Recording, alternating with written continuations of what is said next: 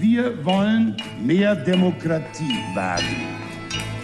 Heute sehen wir uns die CDU an, auch ein bisschen SPD und ein bisschen AfD, aber primär sehen wir uns die CDU, die CDU, die CDU.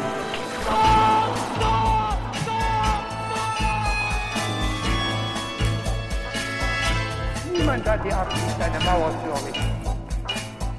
Ich weiß, ich habe heute Morgen in den Spiegel geguckt und dachte, wer ist denn die Hotte Bitch? Werden schon in wenigen Jahren blühende Landschaften, blühende Landschaften geworden sein. Früher waren wir Lametta. Wir haben so vieles geschafft, wir schaffen das. Hei og velkommen til Tyskerne, episode 113 med Ingrid Brekke. og Kai Schwind. Vi har lovd flere kulturepisoder i år, og nå skal vi vise at vi mener alvor. Vi er veldig glad å endelig kunne ha en gjest igjen. Live med oss i studio er Geir Lysne. Velkommen til deg. Tusen takk. Hei, så kult. Vi er tre. Hurra, hurra. Du er jazzmusiker, saksofonist, professor, kurator, komponist, produsent. Du har gitt ut mange plater og har spilt på mange produksjoner. Du har vant Spellemannsprisen, German Critics Award og renommerte Jahrespreis der Deutschen Schallplattenkritikk. Man blir rett og slett litt svimmel når man ser på CV-en din. Jeg må også si at jeg er litt starstruck av at du er her, fordi eh, du har vært med i en del eh, produksjoner som jeg liker veldig, veldig godt, som jeg har hørt på. Alt det kunne vi ha snakket om i timevis, men det vi syns er spesielt interessant for oss her i Tyskerne, er selvfølgelig at du er sjefsdirigent ved renommerte radiostorbandet NDR Big Band i Hamburg siden 2016, faktisk. Det skal vi fokusere på, øh, og hvordan det er å jobbe i Tyskland i en sånn kontekst der. Så har du med deg et tysk ord som alle gjestene våre, og vi skal høre musikk fra deg mot slutten av episoden. Men vi burde kanskje først begynne her i Norge. Og du og jeg, vi er jo begge fra Trondheim. Var det der du oppdaga jazzmusikken? Nei, egentlig ikke. Altså I Trondheim så spilte jeg i Nardo skolekorps med Trond Giske. Eh, så der hadde jeg min korpsbakgrunn, som altså veldig mange blåsere i, eh, altså jazzblåsere i Norge eh, kommer fra. da. Det er veldig spesielt for Norge, eh, faktisk. Det er det. Så det var, um, jazzmusikken oppdaga jeg først litt senere. Um, var det en sånn initial artist som førte deg til jazz? Altså Var det en sånn ja, nå plutselig snubler du over Coltrane, og så var det gjort? Eller hvordan husker du sånn første møte med dette?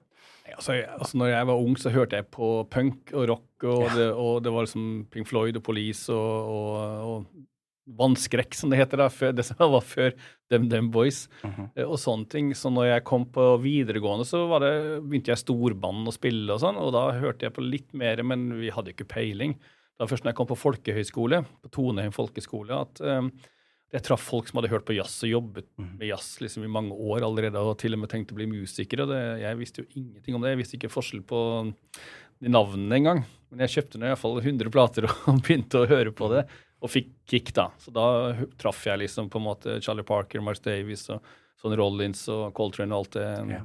på en måte for første gang da jeg var 18-19. Mm. Så jeg var litt, litt sent ute.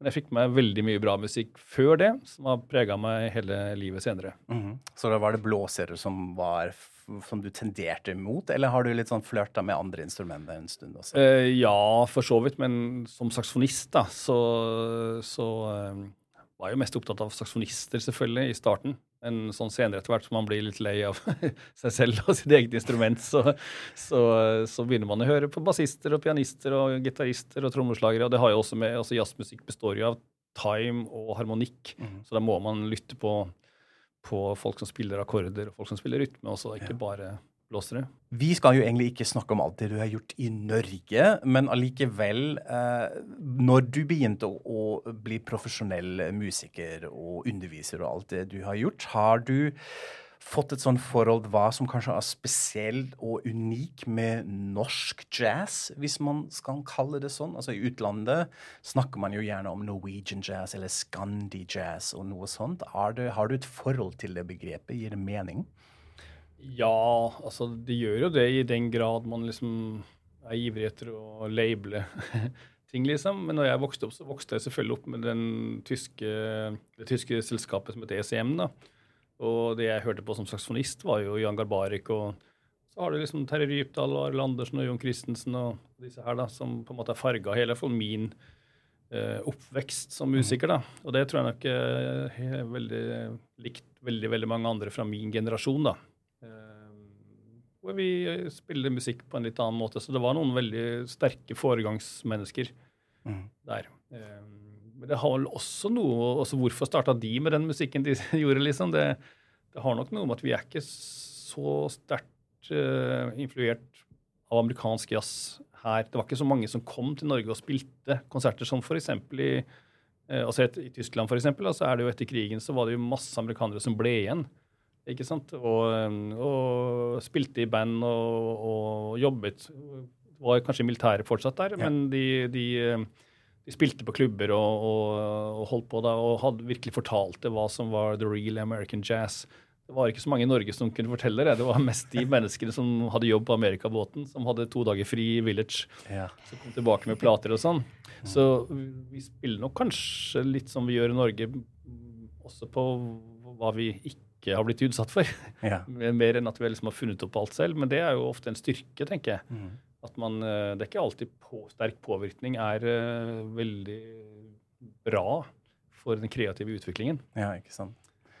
Var det sånn at du tenkte oh, med å spille den type musikk og jazz, kan jo faktisk også kanskje reise ut i verden? Var det en slags motivasjon, eller var ikke det som du tenkte? Nei, jeg tenkte for, for musikere som, som vil uh, lage sin egen musikk og være, ja, ha integritet, altså lager de den musikken de gjør, uansett uh, hvem som skulle finne på å like den. Ja. Så det er, ikke en, det er ikke en sånn tanke om at oi, hvis jeg gjør sånn, så kan jeg lykkes i Tyskland eller England hvis jeg gjør sånn. eller sånn. Det er, det ikke, det er nok sikkert noen, noen i musikkbransjen som tenker sånn, men det er de færreste som lykkes på lang sikt Ja. med det. Mm. Ditt uh, første møte med Tyskland og tysk jazz, når var dette, og hvordan ble det til? Ja, det er over 20 år siden nå da, at jeg, jeg spilte inn en plate i NRK i Norge eh, med egen musikk. Jeg hadde bare lyst til å finne ut liksom, om, jeg, hvordan, om jeg klarte å skrive for storband. da. Mm Eh, og det spilte jeg inn, og så var det et tysk selskap som heter Ekta, med en som heter Siggy Loch, som driver det, som er veldig sentral i tysk jazzliv. da. Eh, han ville gi ut det, og så plutselig ville han ikke gi det ut, og så ville han gi det ut, og så var det veldig, han var veldig opptatt av norsk eh, jazz. da. Så til slutt så ga jeg det bare ut selv. Og så, Men jeg hadde jo et band, da bandet hadde lyst til å spille, så vi begynte å lage konserter, og vi dro bl.a. til Hamburg og Berlin og på turné og sånn. Og da eh, traff jeg etter konserten i Hamburg, så ble jeg invitert umiddelbart til eh, NDR som gjestedirigent. Eh, Det var noen som hadde hørt meg der, eller mitt band, og mye musikk. Og dagen etter spilte vi Berlin, og da dukket Siggy Loch opp, da. eh, som jeg, aldri hadde truffet, men som jeg hadde hatt mailkontakt med. Eller til og med fakskontakt, tror jeg det var kanskje på den tiden. Helt, helt sikkert. Det Ja. høres veldig tysk ut. Og da, og da han kom etter, etter konserten, så var jeg alene bak scenen, og så kom han bort til meg og sa det var et veldig bra statement. Han sa Hello, my name is Siggy Loch, and I suppose you don't want to talk to me. det var hans første statement. Men eh, vi lagde kontrakter, gitt ut alle mine plater der. Jeg har gjort også masse andre produ eh, produksjoner for han da, i Berlinfilharmonien og sånne ting. Ja. Han er jo en ganske sånn ikonsk eh, skikkelse i, i tysk musikkbransjen, ikke sant? Siggy Loch. Har du et forhold til han på forhånd, eller visste du noe om han? Ikke, nei, det visste jeg ikke. Altså, senere har jeg lært at han, eh, at han var jo manager for Star Club i Hamburg, eh, der Beatles ble oppdaga. Ja. Han skulle jo egentlig lage jazzlabel han, han var relativt ung og produsere jazzartister, men så pga. Beatles så, og så blir han liksom At det skjedde på hans klubb, da, Star Club i Hamburg, så blir han hypa opp. og Plutselig så var han i jeg tror det var over 20 år. Han var eh, manager for altså, det, i Warner International da, i London. Mm. Så det var på sine gamle dager. Han tenkte nei, søren heller, jeg skal lage jazzlabel. Det var det jeg skulle gjøre. Mm. Så han kom tilbake igjen til Berlin og begynte med det, da. Ja. Ja. Veldig bra.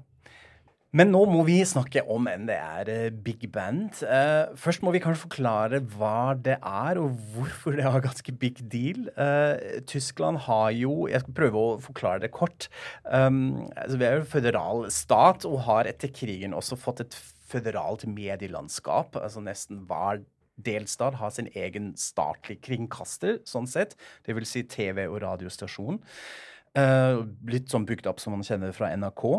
Eh, og fire av disse delstatskringkastere har også et eget radiostorband. Dette er Hessische Rundfunk, hvor jeg har jobbet eh, en gang, VDR, SVR og da NDR.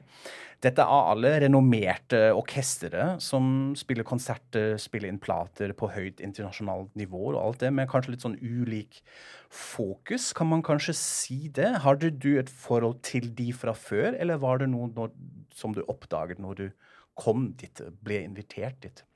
Nei, jeg hadde ikke så stort forhold til Jeg kjente noen. Jeg har en veldig god venn eh, i Norge som heter Eckhart Bauer, som, som, har fortalt meg mye om det. Han er tysk, og, men har bodd her nå i 25 år.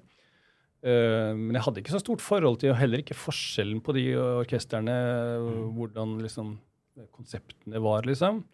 Så det var veldig spennende første gang jeg ble invitert ned, da, etter at de tydeligvis hadde hørt meg og mitt band uh, i 2001, tror jeg det var. Uh, å møte et sånt uh, radiostorband, da. Uh, for det, altså, på det samme tid, altså, det var jo lagt ned i Norge. Uh, når jeg kom til Oslo i 88, så første de gjorde, var omtrent å legge ned radiostorbandet i NRK. Håper ikke det er noe med deg å gjøre. Nei, håper ikke heller. Men det er, det er sånn at uh, jeg hadde ikke noe forhold til radiostuband, egentlig. Uh, altså institusjonelt storband. da. Jeg hadde bare forhold til alle sånne frilansprosjekter som jeg selv var en del av i Oslo. Mm. Så jeg traff jo mye på en gang. da, Både et radiostuband og institusjon som hel, helhet, liksom. Det, er mye, det kan være mye for en frilansmusiker fra Norge. Men kan du beskrive ordentlig hva, hva er et storband? Altså For en som ikke kjenner ja. begrepene. Det er altså, det er jo et band da, som er stort. Så det er, eh, det er liksom trommer og bass og gitar og piano hvis det er standardbesetningen. da, Og så er det da 13 blåsere ofte. Ja. Eh, det er den vanlige. Saksofoner, trompeter og tromboner. Eh, så alle som har sett liksom Sinatra eller noe sånt med et band bak seg, har sett et storband. da kan det sies. Det er masse blåsere og et komp. Og det, det mest kjente er jo liksom Ellington og, og Count Basie og de tingene. Og så har vi hele crooner-tradisjonen, liksom. Men eh, nå er det nok eh, veldig mye moderne ting som foregår. da. Det skjer veldig veldig mye bra kunstnerisk eh, utvikling. da. Jeg vil jo påstå at det skjer mye mer kunstnerisk utvikling i de orkestrene enn uh, i mange av de andre orkestrene. faktisk da. Når det gjelder, altså For eksempel i Hamburg, så, da jeg jobber da i NDR, så spiller vi nesten ny musikk hver mandag. Og det tror jeg ikke noen andre institusjonelle orkestre gjør, mm. for å si det sånn. For dere har en fast konsertdag? Ja, nei, vi spiller konserter hele tiden. Ja. Og det er ikke noe fast, egentlig, men vi har masse konsertserier og innspillinger og allting. Så jeg skriver musikk hele tiden, og andre skriver musikk til orkester. Og vi produserer liksom ny musikk veldig, veldig, veldig mye. Kan du si litt om hva du faktisk gjør? Du har jo antydet det. altså Du komponerer og dirigerer. Men kan du beskrive en slags arbeidsdag? Eh, hva, hvordan jobber dere der nede? ja, altså De er jo ansatt i hel stilling, musikerne. 220 dager, tror jeg, i året. Det er ti til halv tre. Eh, og utover det så øver de på for å være klar til neste dag. Og det er det samme som eh, Oslo Filharmoniske f.eks. her i Oslo, altså orkestrene. da. Uh, og, ut, og, jeg dirigerer da. Jeg dirigerer 60 dager er kontrakten min. Den blir gjerne 80, kanskje 90 dager i året. I normale år, da. Ikke akkurat sånn som nå. Uh, og så i tillegg så skriver jeg Jeg skal egentlig skrive uh, minst to hele produksjoner, altså helaftener, da, med musikk. Enten arrangere eller komponere. Men jeg har vel skrevet sikkert fem i året, i hvert fall. De årene, fem, årene, ja, fem årene jeg har vært her nå. Mm. Før vi ser litt nærmere på NDR Big Band, kan man si noe om forskjellene mellom disse fire store big band som fortsatt fins i Tyskland? Er, er, det alle litt sånn Er det samme stilen, eller har de litt sånn ulik fokus på hva de gjør ut av big band?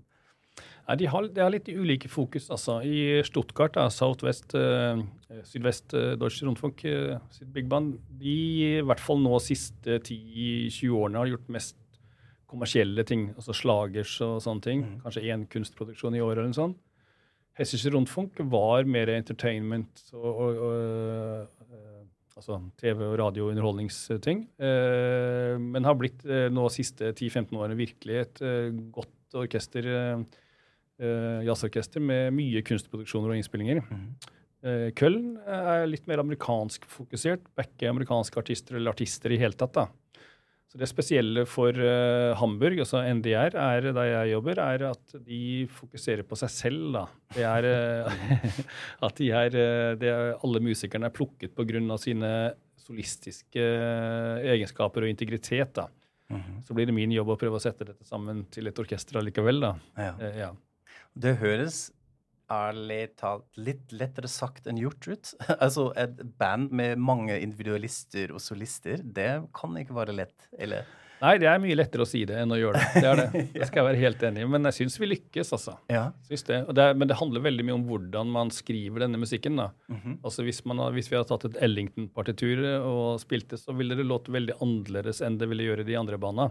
Men hvis jeg skriver musikken, så skriver jeg ikke til fem saksofoner og fire trompeter. og sånn. Jeg skriver til de menneskene okay. som er der, og med de kvalitetene de har. Så da, da forhåpentligvis låter det uh, unikt da, for det orkesteret. Mhm. Og på samme måte, hvis jeg tok de partiturene til et annet orkester, så vil det ikke låte sånn som kanskje så bra, fordi at eh, det er andre personer igjen. da. Ja. Og det er jo sånn mye av jazztradisjon for store ensembler har vært, iallfall de mest vellykkede, som Basie og Ellington og andre, det at man skriver for de menneskene man har i orkesteret, mm. mer enn en instrumentasjon, som er mer vanlig for den klassiske tradisjonen. da. Mm. Å skrive for symfoniorkester med sånn og sånn, sånne og sånne instrumenter, ikke fordi at den og den spiller annen fiolin. Mhm.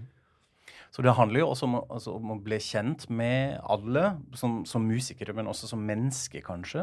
Hvordan, var det, hvordan ble det tatt imot når du tok over uh, i 2016?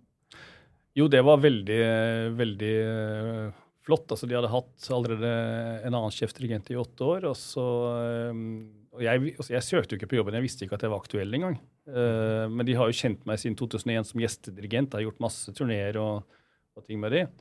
Så, så jeg visste ingenting jeg, før jeg fikk en mail rett før jul i 2015, hvor det sto en sånn one-liner fra manageren. da. Dear Mr. Lysne, the band has voted for new chief conductor. That's you. Merry Christmas. Sånn det er Tyskland, effektiv. Veldig effektivt, og, og jeg skjønte ingenting. Og så ventet jeg to-tre uker til etter jul, og så sendte jeg en mail tilbake og spurte ja, dette var veldig hyggelig. Og, eh, er det nå, eller er det om tre år, eller er det to dager i året, eller er det hele året, eller, eller hva, er det noen som kan si noe? liksom.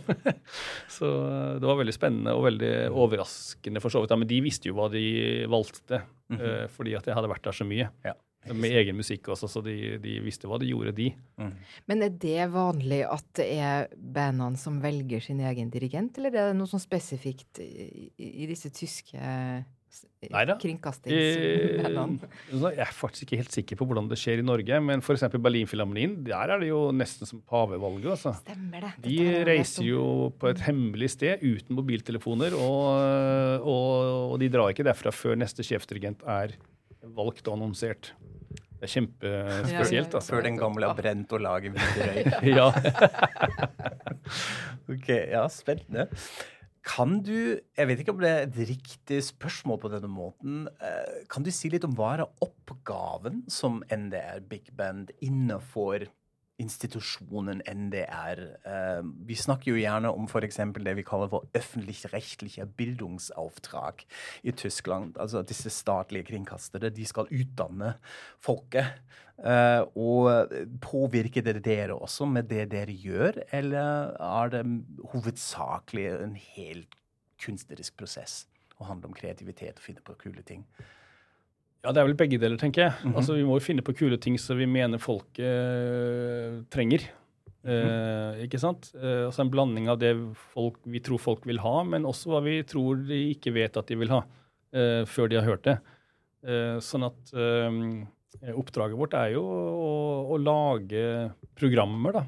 Musikkprogrammer, og enten konsertproduksjoner eller andre ting som kan berike folks liv. Da. Og Det syns jeg er veldig sterkt i Tyskland. Også. Det står veldig sentralt hvor kulturen er. eh, Det er ikke noe elitistisk på noen måte. Det er noe som man bare skal ha ferdig med det.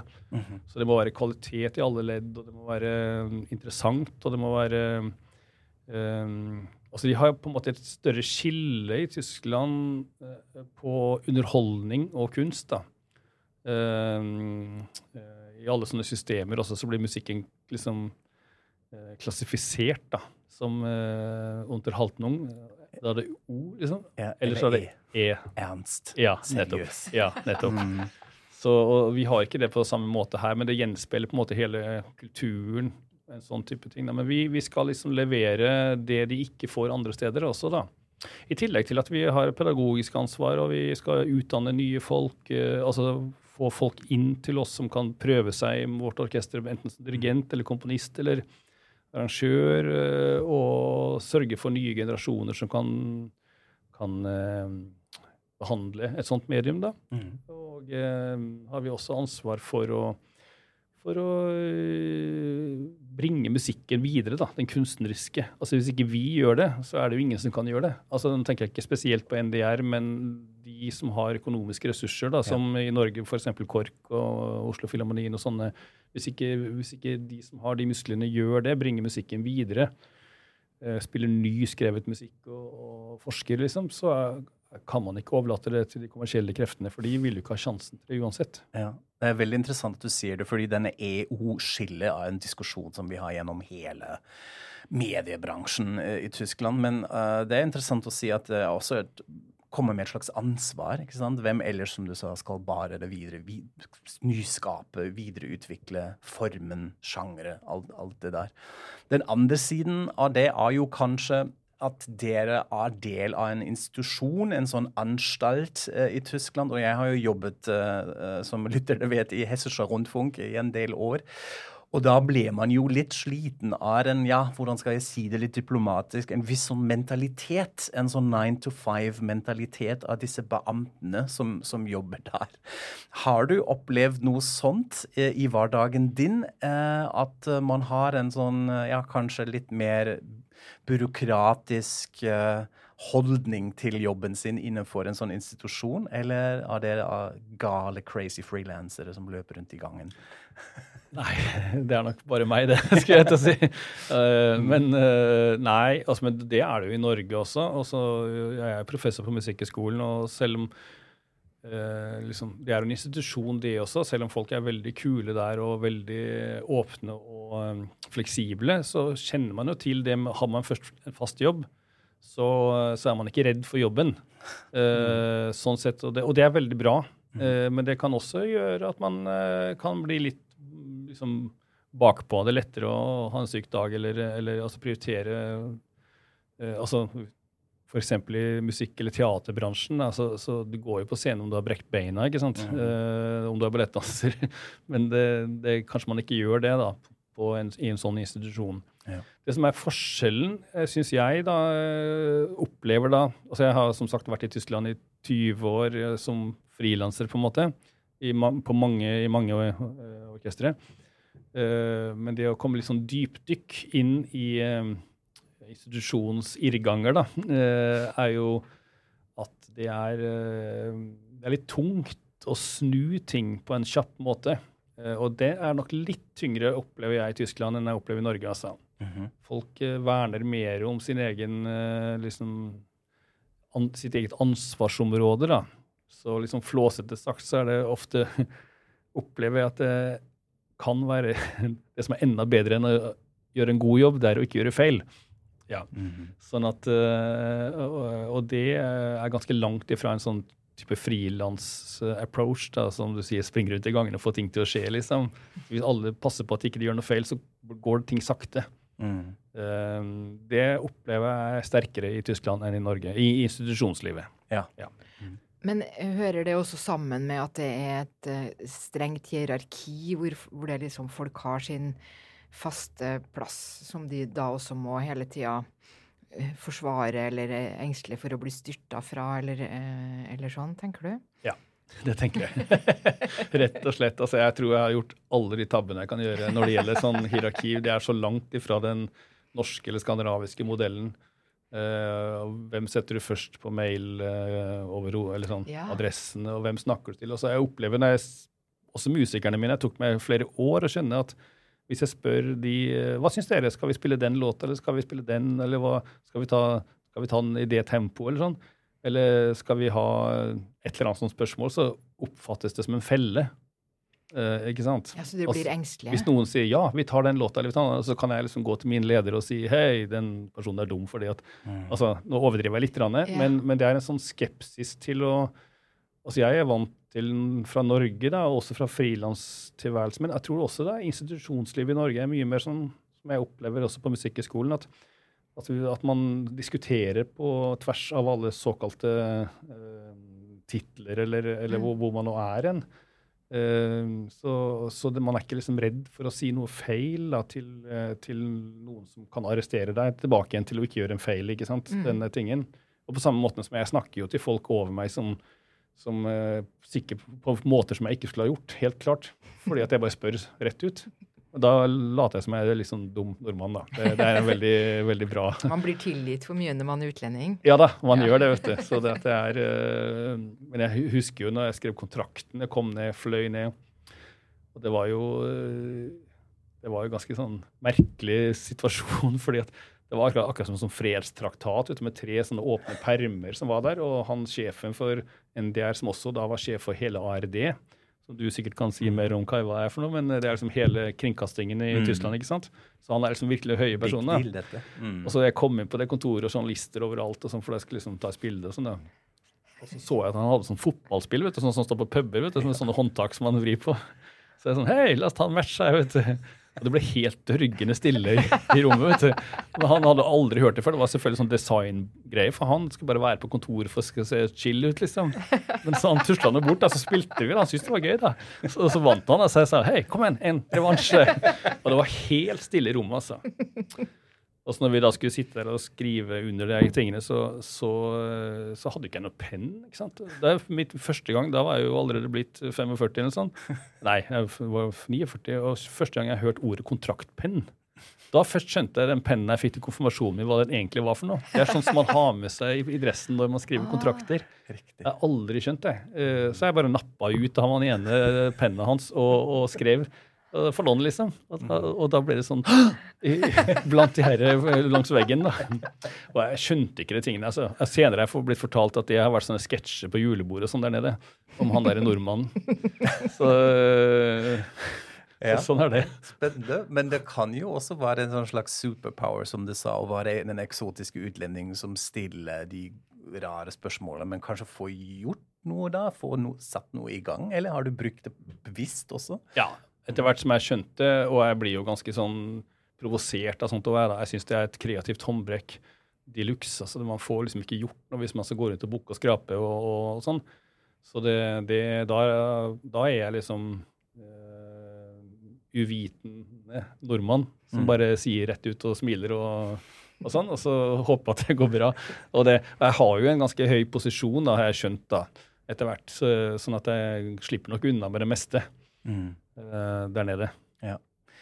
Hvordan er det med disse berømte budsjettkutt som eh, disse anstaltene må deale med hele tida, eh, også siden jeg jobber der også? Jeg følger jo litt med. Dette er jo en bestandig diskusjon. Vi må kutte ned budsjett. Det påvirker journalistikken, men det påvirker også andre avdelinger. Skjønner dere det òg med Big Bandet? Ja da, altså det er hele Europa er det det, altså. Og kulturen er ofte dessverre noe av det som ryker først. Og da ser vi også at eh, i Tyskland så er de, holder de igjen så lenge de bare kan, altså. Ja, sånn med Radiostobahn, for eksempel, som vi, som vi la ned i Norge i, da, i 89. Ja. For eksempel ennå vi er et relativt rik, rikt land, syns jeg. Eh, eller ikke syns jeg, vet jeg. uh, så, så holder de igjen veldig hardt, altså, men det er budsjettkutt, ja. Det er det. Koret i uh, Altså alle de allmennkringkasterne i Tyskland har jo egne symfoniorkestre og kor og storband. Og i NDR så har vi to fulle Oslo-filharmonier, altså full-size-orkestre.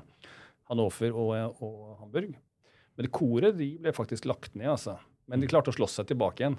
Så nå er de tilbake igjen, faktisk. altså. Men det er, vi kjenner på, det, kjenner det på kroppen, ja. Nedskjæringer og, og framtids eh, skyer. Ja, ok. Allikevel syns jeg at dere er på NDE Big Band utrolig kreative og nyskapende. Altså, det er så mange forskjellige kule ting og prosjekter som skjer hele tiden. Jeg bare tenkte at vi kan snakke bitte litt om noe av de ting som du har jobbet med, eh, og kanskje også gi et lite, lite inntrykk eh, med, med lydklipp her. Eh, Det første jeg syns var veldig interessant, var Komponisten-podium. Altså et slags casting for komponister som skal eh, skrive for dere. Kan du si litt om det? Hva var dette? Hvordan funker det? Ja, Det var noe jeg satte i gang eh, for et par år siden med eh, en utlysning da, til alle som har noe kul musikk for storband. Bare send det inn, så skal, skal vi teste det, og kanskje vi inviterer deg, liksom. Og jeg har i hvert fall lest 200 partiturer og plukket ut 50 som vi har spilt igjennom, og så har bandene vært med og valgt noen som vi da inviterer, faktisk. Altså. Og det passa egentlig ganske godt også i den pandem pandemien, da, hvor vi ikke fikk gjort så mye live, så vi kunne gjøre en del produksjoner på det. Så det, det har vært veldig hyggelig. Altså, møtt masse komponister, også ganske unge folk. da. Allerede neste uke skal jeg ha eh, fem, nei, seks komponister fra hele Europa og fem dirigenter fra hele Europa til å, som er koblet sammen, som skal jobbe sammen. og Jeg skal liksom være supervisor for dem. da. For å utdanne nye folk. og For den jobben jeg har, vet du, den uh, som, som dirigent for radiostorbanen, eller for storbanen, uh, den fins ikke utdannelse på. Jeg har i hvert fall ikke opplevd noe i hele verden som fins en eneste bachelor i, i det. Mm. Så stort sett de som gjør sånt, er folk som kan musikken, eller eh, men ikke kan dirigere. Eller folk som kan dirigere, men som ikke kan musikken. Det er det, eh, det som er litt spesielt med Norge. Vi har ganske høyt nivå på det i Norge fordi at vi har den sterke korpstradisjonen. da. Eh, Vi har vel 2500 korps eller noe sånt. Ja. Og de fleste sånne som meg da, har startet å dirigere liksom, vennene for ganske ungt. Så, så det eh, Men i Tyskland for eksempel, har de jo ikke den korpstradisjonen. Så Derfor så er det ikke så mange de som kommer og spiller f.eks. i dette de radiostorbandene, de kommer ikke fra korpsene så ofte som i Norge. De har gått på forskjellige typer undervisningsskoler eller, eller, eller sånne ting. da. Ja. Så det må jo være veldig spennende å få lov å spille med NDR Big Band. Eller får de, høre de låtene man skrev, men samtidig er det så veldig mye press. Altså, det er jo en sånn castingsituasjon. Hvordan er stemningen under det podium der? Jo, det er, men det er, vi, vi, velkommer det jo voldsomt. Og, og jeg tror det var veldig flott denne uken. Vi hadde fem forskjellige fra fem forskjellige land inne altså, Ja. og spilte inn. og og veldig, veldig god stemning, altså. Mm. Ja, det er fint. Så det er litt sånn de, de newcomers som skal støttes, men samtidig spiller eh, dere jo, og det gjør jo også alle de big bands i, Tyskland, med store stjerner og artister. Som backup-band, eller spiller inn plater osv. Og, så og da så jeg også at NDR har spilt med Al Jarreau. Han har jo en spesiell tilknytning til, eh, til Hamburg eh, også. Eh, Det fantes en, eh, en sånn musikkneipe som het Onkel Pø på 70-tallet, hvor mange tyske artister begynte å spille og ble veldig kjent. Og da er legenden altså at eh, det var her Al Jarreau eh, eh, spilte for første gang og ble veldig kjent uh, i Tyskland, og alle kom, og det var uh, masse som skjedde der. Så han har et spesielt forhold til Hamburg, og også da til NDR Big Band etter hvert, kanskje? Ja da, stemmer det. Altså, jeg, har, jeg, traff, jeg, jeg har truffet ham, men, men han eh, De turnéene, to turneene han gjorde med bandet, var uh, før jeg var sjefdirigent. Altså det var andre som gjorde det. Jeg traff han i Oslo her når, når NDR Byggmann spilte i, eh, her, da. Med han. Men han, eh, når han gjorde sin første jobb på Onkel Pø, som det heter da Ja. Nå er det en pizzarestaurant nå. Men eh, eh, der eh, Da var det liksom ingen som kjente til han. Altså, han hadde tre kvelder på rad, og, og det var liksom 40 stykker i salen, liksom. Eh, men i første pausen så løp alle rundt i sånne telefonkiosker og ringte til vennene sine. Og Så i løpet av kvelden så ble det helt fullt her. Og de to neste kveldene var det helt panserfullt. Og, og da kom selvfølgelig journalister og NDR og alt sånn og tok opp og sånn. da. Så det, så det var en stor, stor greie. altså.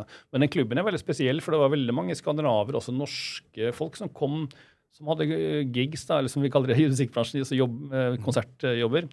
I, eh, I Hamburg. Det var enten på Fabrikk, som er et annet sted, i Ham- eller så var det på Onkel Pø, hvis det var litt mer sånn klubb. da, sånn liten klubb. Ja. Så den platen som vi kjenner i Norge med Radkaton F, live in Hamburg, er fra, fra Onkel Pø, eksempel. Ja, ok. Kult. Jeg visste ikke at de spilte inn eh, konserter der òg. At det gikk an. Det var jo veldig lite, sånn små scener. Ja, nei, det var jo en radio med en buss utapå, da, vet du, og så Ja, stakk noen Ja, mikrofoner av vinduet. skal du si. Ok.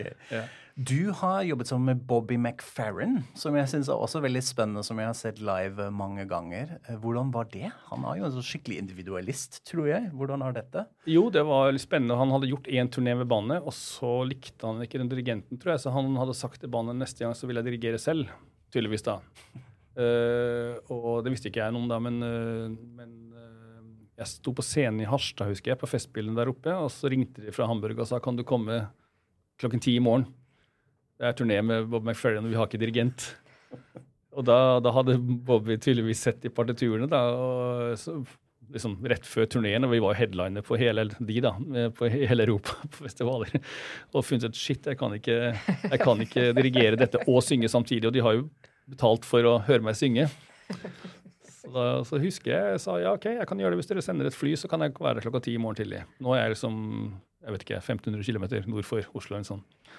Så, eller hva det nå er for noe. 1000, kanskje. Eh, men det kunne dere ikke.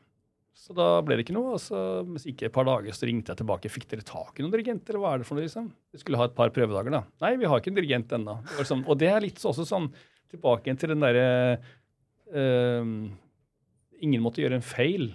Så Istedenfor å bare rase rundt og skaffe en dirigent som kunne vise seg å være for dårlig, da, så at noen kunne bli tatt for å ha gjort en feil, så skaffa de heller ingen dirigent.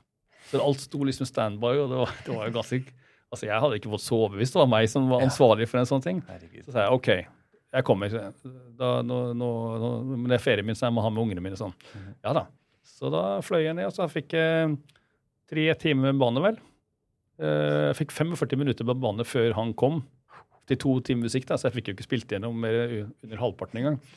Og så dro vi ut i Stadpark for 3000 mennesker og spilte. da.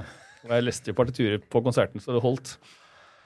Eh, og så var det headliner da rundt i hele Europa, så det var, det var veldig, veldig gøy, altså. Eh, og han, han, er jo en individualist, som du sier. Han er jo mest opptatt av seg og sitt. Ja. Eh, men veldig hyggelig, altså. Veldig Var han hyggelig. takknemlig for det? Skjønte han hva, hva slags jobb du gjorde da? Ja, da, han var veldig takknemlig, men det var litt spennende. For han uh, i første, liksom, en av de første dagene så kom han og spurte, og snakka meg veldig. Altså, han var veldig sånn, skjønte at jeg hadde redda Han er jo musiker, ikke sant, så han redda greiene der. Og så, um, så spurte han nok en gang hva jeg het, da. Uh, jeg heter Geir Lysne, sier jeg. Oh, don't you have a nickname, sa han. og så tenkte jeg nei, hvis det er noen som kan si mitt navn, hvis det er noen som er vokalartister i verden, så er det han. Så sa jeg no. jeg. Og jeg har hatt et eh, kallenavn siden jeg var liten, så det var, eh, men det, det vet ikke han ennå. Du tvang ham til å skatte navnet Nei, ditt. faktisk så lærte han seg aldri navnet mitt, så på siste konserten så introduserte jeg hele bandet, var på tysk TV, nei, nederlandsk TV. Uh, og så Og til slutt så var det liksom jeg tatt alle på navn da, i bandet. Og så And one and only Bob McFerrin, sier jeg der ute. Og så kommer han på scenen, og, og da først skjønner han at den eneste som ikke liksom har blitt presentert, er meg. Og han ante fortsatt ikke hva jeg het, ikke sant, etter 14 dager på tur. og så sa han «Eh, and, and the Norwegian conductor. han huska i hvert fall hvilket land jeg kom fra. Så sånn er det, altså. Men han var hyggelig, altså. Så lenge han hadde liksom Bibelen der, så var det bra. Ja. ok. Veldig spennende. Siste prosjekt som jeg har lyst til å nevne, hvor vi også uh, syns jeg må høre et lite klipp, er eh, noe du gjorde i fjor. Du er jo som sagt ikke bare, bare Jan Russelstein dirigent, men også komponist. Du skriver og lager bearbeidede, og da var det eh, en, eh, en bearbeidelse av den veldig kjente italienske partisanlåten Bella Ciao. Eh, du lagde med Stefano Bolani. Eh, kan du si litt eh, om dette? Hva slags eh, prosjekt var det? Hva var litt sånn impulsen bak dette?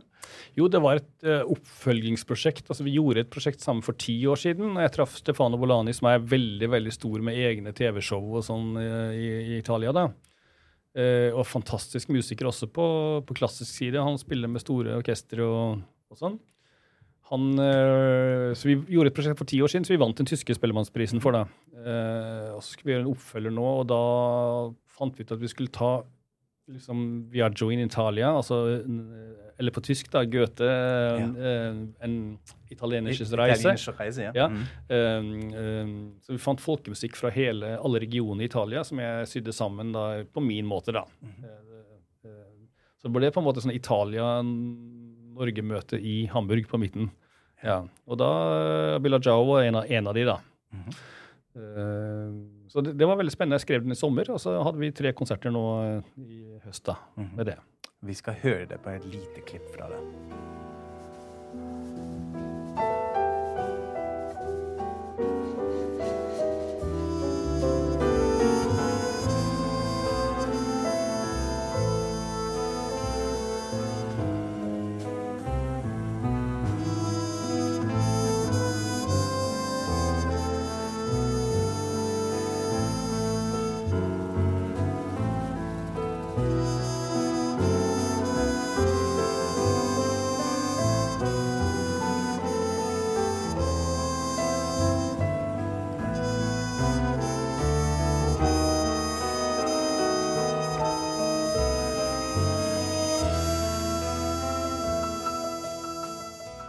Kan jo ikke snakke om eh, Hamburg uten å snakke om Elbphilharmoni. Og lytterne våre vet jo at der har jo både jeg og Kai vært. Kai har til og med stått på scenen, men jeg satt bare i salen. Ja. Men du har jo gjort mye mer staselige ting der, da. Og første gang så ble du jo invitert av selveste Olaf Scholz. Vil du fortelle om dette? Ja, det var jo veldig spesielt. Nå først skjønner jeg jo i det siste halvåret at, det var, at han var større enn han var. Eller jeg trodde, men jeg fikk jo hadde akkurat startet da, som sjefsdirigent, og så fikk jeg sånn flott papir, eh, personlig invitasjon da, fra han. da, Underskrift og mitt begleitnung. så, så, med jeg For da var jo han borgermester. Han var borgermester i Hamburg da. Eh, Så, så da ble jeg invitert til åpningen av Elfilharmonien. Altså det er jo en fantastisk tid Ja. å komme til Hamburg på. Eh, Så når jeg så at han plutselig nå var på toppen i Tyskland, tenkte jeg jøss, dette var gøy. jeg tror ikke jeg har det kortet ennå, da. Men så hadde jeg hatt signaturen hans. Men uh, Elfilharmonien er jo det nye store smykket i, eh, eh, i Hamburg, men kanskje også Tyskland. Altså jeg tenker på Hvis man liksom, alle sånne turistbrosjyrer som skal ha ett bilde av Norge, f.eks., da er det kanskje Holmenkollen eller et eller annet sånt.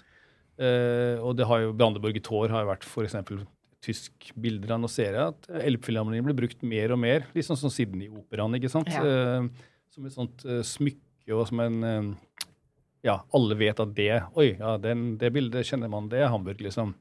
Så det å ha det som sånn hjemmebase er jo helt fantastisk, altså. Det er jo orkester, orkesteret vårt som nå har skiftet navn til altså det klassiske, da. Elbphilharmoni-orkesteret, ikke sant. Ja. Vi gjør jo mange konserter der nede, vi også, så jeg har dirigert 10-15 ganger der vel. Og som oftest er min egen musikk, da, som jeg gjør. Det er jo 2000 seter, og, og det er ikke mer enn en måned siden vi hadde 2000 mennesker der. Med munnbind og koronasertifikat. Men det gikk, det gikk an, altså. Men er akustikken perfekt, eller? Den er det mye snakk om. Ja. Uh, og det er uh, uh, Altså, jeg syns den er fantastisk. Eh, men jeg tror nok orkesteret der nede fikk litt sjokk, for de satt i en sånn, den gamle typen som vi kaller boks, da, hvor det er et langt, avlangt rom. ikke sant? Orkestersaler, sånn som i Wien, hvis du ser på nyttårskonserten og sånn. Det er også en sånn boks. Skoeske, da, på en måte. ikke sant? Mm. Mens her er det Elbphilharmonien er bygd så man sitter rundt, eh, sånn som mange nye konsertsaler er, da. Og, eh, og den er nok mer transparent i lyden, som jeg ville si, da, eh, enn eh, de var vant til, musikerne. Så de, når jeg snakker med dem, så sier de at de føler at de sitter alene og spiller blant hundre andre. Altså Det er ikke Å, så mye refleksjoner i veggene og, og sånne ting. Sånn at eh, de, de må nok bruke noen år på å lære seg liksom, å få det, det som vi kaller tight. Da. Altså rytmiske og, og, og, inn, og tue, altså stemming og sånn. da. Mm. Fordi at man sitter ikke så tett på og hører så mye. Man blir litt mer avslørt, liksom. Men det samme hørte jeg om Berlinfilharmonien. De brukte også en del år på å lære seg den salen. ja, og der òg sitter man jo rundt. Ja. Ja, ikke sant? Så når det er det som vi kaller skoeske, altså en la- av, lang avlang eh, med masse rette vegger og sånn, så blir det mye refleksjoner og ekko på en måte Mm, mm. av lyd. Og det, og det gjør at musikken høres liksom fetere og større ut Ja. enn den egentlig er. Både, og hvis det liksom ikke er helt helt sånn fintunt, så kan det også låte ganske større. Også I popmusikk bruker man det helt, og, og annen musikk så bruker man det helt bevisst. Ja. Vi har bokser for å lage ting at det er litt ut av eh, pitch, som vi kaller det. Mm. Og ting, litt eh, refleksjon, altså litt ekko, bitte lite grann, som gjør at ting låter mye fetere. Alle de boksene du ser gitaristene driver og trykker på, er sånne bokser. Sånn, ja. Mm. Men hvis man tar vekk alle de voksne, for å si det sånn, da, så, så men, men altså, det er bare å lære seg til det. Det er bare en vanesak, og så, og så er den helt fantastisk, altså, den salen. Og det smykker seg selv, da. Både å se på og utenfra og innenfra. og Hele salen står på fjærer, så de kan sprenge hva de vil på utsida. Vi, skjønner- vi vil ikke merke noen ting. Det er en fin metafor for eh, kultur generelt. ikke sant? Det bare Ja, ja, ja, ja. sprenge alt rundt. eh, ja. Og det er kanskje en sånn, jeg vet ikke, en symbol på status av kultur i Tyskland, dette? Er du enig, eller tar jeg det litt for langt nå? Nei, altså, jeg tenker at øh, de Altså, de brukte jo over 9 milliarder på det der. Eh, og et skandalebygg omtrent eh, på lik linje med Berlin-flyplassen, tenker jeg. Eh, det var sånn HSM-skandale som gjorde at eh, nei, HMS heter det kanskje. Eh, som, der har du frilanserne, vet du vet ikke hva det heter engang. Driver ikke med det. Nei, HMS, som gjorde at hele salen sto åpen uten tak et helt, hel vinter, faktisk, og snødde ned og sånn. Du måtte skifte og sånn. Men altså at de brukte det, og det er jo de der som er veldig, veldig rike, som på en måte og vi, det også hele den mesenvirksomheten, som det heter. Eh, altså de folk som vil De som er så rike at de skjønner at hvis ikke vi betaler det, så skjer det ikke. Så Hvis ikke jeg slenger to milliarder på bordet, så får ikke jeg kunst. For det er ingen andre som har råd til det. Altså, så, så det er en sånn mesenvirksomhet eh, som har ligget der i hundrevis av år. Det er ikke, altså, vi er en ganske ung nasjon i Norge, så vi har ikke helt sett Vi ser noe av det. Det er noen som driver i, i en eller annen skala, liksom, men den der virkelige store forståelsen av at skal det skje, så må noen ta ansvar. eh, uten å få igjen liksom penger. da, De får en plakett på veggen der nede eller et eller annet sånt og si at uh, hipp hurra. Ja, et eller annet. ja. ja. Passer kanskje spesielt til Hamburg også, det er sant. eh, Hvor man kunne ha gjort noe sånt. Eh, Er det ikke kanskje fungert på samme måten i Berlin? Jeg vet ikke. Det er jo noe med hvor det rike borgerskapet holder til, da. Og det er jo ikke akkurat eh, Det har jo ikke vært i Berlin. Kommer kanskje mer og mer. Mm. Så, eh, men eh, er det nå vi skal eh, spørre gjesten om det vi alltid spør gjesten om, nemlig Du har tatt med deg et tysk ord som betyr noe spesielt for deg. ja. Og hva har du tatt med? Nei, det er jo et gøy ord da, som kan bety litt forskjellige ting, men det med geil, ikke sant? Veldig bra. Eh, og det kan jo bety alt ifra liksom, at noe er sånn kult eller hot, eller, eller, eller hvis jeg sier es var eller das var geil, så, så er det liksom det, det var kult, liksom. Men hvis jeg sier ich bin geil, så kan det være mer at jeg er kåt, ikke sant. Så, og så øh, og så var det første gangen jeg skulle spille på med bandet mitt. Da var jeg invitert til en festival, øh, og konserten skulle gå på Dreisat. Så det var liksom min første TV-opptreden. Det er over 20 år siden. da. Der nede med mitt norske band. da. Hvor min øh, venn Eckhart Bauer, da, som lever i Norge, spiller trompet i det bandet. Og så pleide jeg alltid, alle konserter vi gjorde, så satte vi i gang liksom rytmen og sånn. ikke sant? Så det var sånn litt catchy. Og sånn, og så når det var i gang, så kom jeg på scenen og sa hei, uh, jeg, jeg er Geir Lysne, og det her er mitt listening-ensemble, som det het. da. Mitt band, da. Og så var vi i gang med bla, bla, bla, bla, melodier og sånn. Og så akkurat den gangen der så fant jeg ut jeg gjør det på tysk. Jeg gjør det på tysk. Så bandet var på vei til scenen. Jeg sto backstage. Så grep jeg fatt i han Eckhart, han vennen min, og så sa jeg, du, jeg vil gjøre det på tysk i dag. Uh, kan jeg si noe sånn som det her? Og det jeg trodde jeg sa, det var uh, Ich bin Geir, und, hier ist mein listening ensemble. Men jeg var antagelig så nervøs, og det han hørte jeg sa, var Ich bin geil, und hier ist mein lustiges ensemble. Og det, er, det betyr noe sånn hei, hei, og litt sånn selvsikker på scenen. Ta mikrofonen. Hei, jeg er kåt. Og dette er mitt lettsindige ensemble. Det er liksom en bra debut på Dreisat TV, ikke sant? Kulturkanal. Ja, ja. Og han, og han bare liksom, så, tok sånn, sånn uh, tegn over halsen. Liksom, og sånn Nei, engelsk! Engelsk! Sånn, engelsk! Og så gikk han på scenen, og jeg skjønte ikke hva jeg hadde sagt feil heller. Så jeg var kjempenervøs. da, Så gikk jeg på scenen, og jeg gjorde det på tysk, altså. Men det var mye konsonanter. Ich bin geir und og så det var, Jeg var der, da. Ja.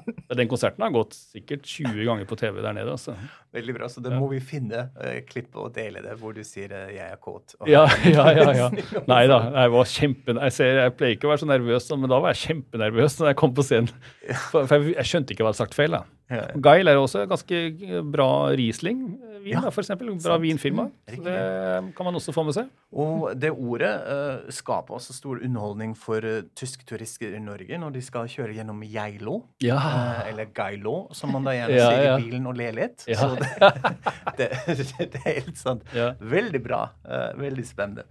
Vi tenkte siden vi har en så profilert gjest i dag, eh, som har gjort så mye, så må vi høre litt av musikk eh, før vi runder av. Eh, og da har du tatt med deg noe kanskje litt eh, nyere, eh, som du gjorde nå? Ja, eh, og så, så tenkte jeg hva skal jeg gjøre? Jeg har gjort så, så mye, også gjort masse klassiske ting der nede. Eller sånn crossover-ting. både Jeg har vært så heldig for å dirigere fire ganger i Berlinfilharmonien. og og har gjort også med i Elbphilharmonien. Jeg har gjort Penderecki, jeg har gjort eh, Telemann, jeg gjo- jeg gjorde en Stravinskij-innspilling med mine versjoner alt sammen. da. Så jeg tenkte liksom på alt det, men så tenkte jeg nei. Nå, de fleste vet jo, tror de vet hva storbanen er. så Så da må jeg prøve å gjøre noe annet. Og så nå i pandemitiden så var det litt sånn sjokkarta for alle orkestre. og sånn. De, hva skal vi gjøre, vi har ikke publikum og sånn. Så de lagde masse sånne, sånne produksjoner hvor folk satt på kjøkkenbordet sitt og, og spilte inn på iPhone litt Beethoven, og så satt de det sammen til orkester og sånn. Det låt jo relativt stusslig, syns jeg, rundt omkring. Så det var liksom panikk Eller de prøvde å finne titler som hadde kunne relateres til noe som helst med pandemi eller virus eller hva noe helst. Så jeg orker ikke sånne ting. Altså, jeg ble også spurt om vi kunne gjøre noe sånt. Så jeg begynte å jeg sam, samarbeida da med noen unge folk i Hamburg. Eh, og fant tak i en del sånne rappere og sånn. Som, eller de hjalp meg, jeg er for gammel til å vite hvem som er hot og sånn. Eh, så vi, og vi spurte de om de kunne skrive litt tekster om ikke om korona og sånne ting, men om hvordan det er, hvordan det føles å være innestengt, og hvordan det føles å ikke kunne gå på konserter. Eh, liksom ting Man får ikke altså For første gang så får man ikke de tingene som på en måte beriker oss. da. Eh, også selvfølgelig kafeer, restauranter og alt sånt, men, men kunst og kultur, da, det er skikkelig viktig. Eh, og, og når det er borte, så vet vi plutselig hva, det, hva vi savner. Så um, En av de artistene var Maria Joao da, fra Portugal, så, um, som, vi, som vi lagde, da, lagde noe musikk til. da, Mhm. Sammen med de unge folka fra Hamburg, da, som handler om det der med Du vet ikke hva du um, ikke har, før du ikke har det lenger. Ja. Ja. Mhm. Så spennende er jo da hva som skjer når pandemien er over. Nå har vi hatt et bra halvår der nede i Tyskland, hvor folk har kommet tilbake igjen. Som sagt, det var 2000 mennesker der bare fem måneder siden med munnbind og, og koronasertifikat i Elfilharmonien. Men, eh, men vi, vi er jo spent på hva ser reaksjonen er på hvordan folk eh, har virkelig savna det, og når tør de å komme tilbake igjen og sånn. Mhm. Men jeg syns i hvert fall det var veldig verdifullt prosjekt ø, å lage. Da. Vi kalte det Statements. da. Det ligger på ja, Spotify eller hva man går på. Hvis man ser på bandet Toy Toy, som er et veldig kult Hamburg-band med unge folk. Ikke sant. Så vi hører nå på låten 'Always' eh, med Toy Toy, NDR Big Band og solisten. Maria Joao. Riktig. Og vi sier tusen takk til deg, Geir, eh, at du var med. Vi kunne skravle mye mer, men nå runder vi av og flyter bort med musikken. Masse lykke til i Tyskland med NDR eh, Big Band, og forhåpentligvis kan vi gå på konsert snart. Ja. Velkommen. velkommen. Tusen takk for meg. Tusen takk. Auf Wiederhören. Auf Wiederhören. You don't know you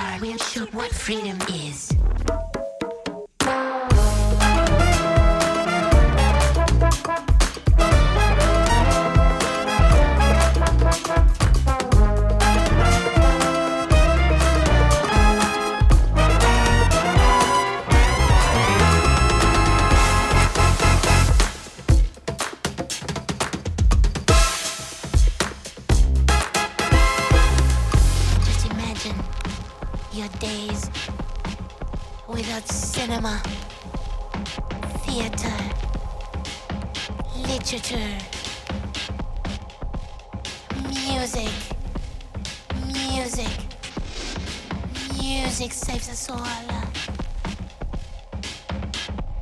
Even TV. Imagine your life with no TV. Serious. Seriously? Can you live without it? Art, I mean.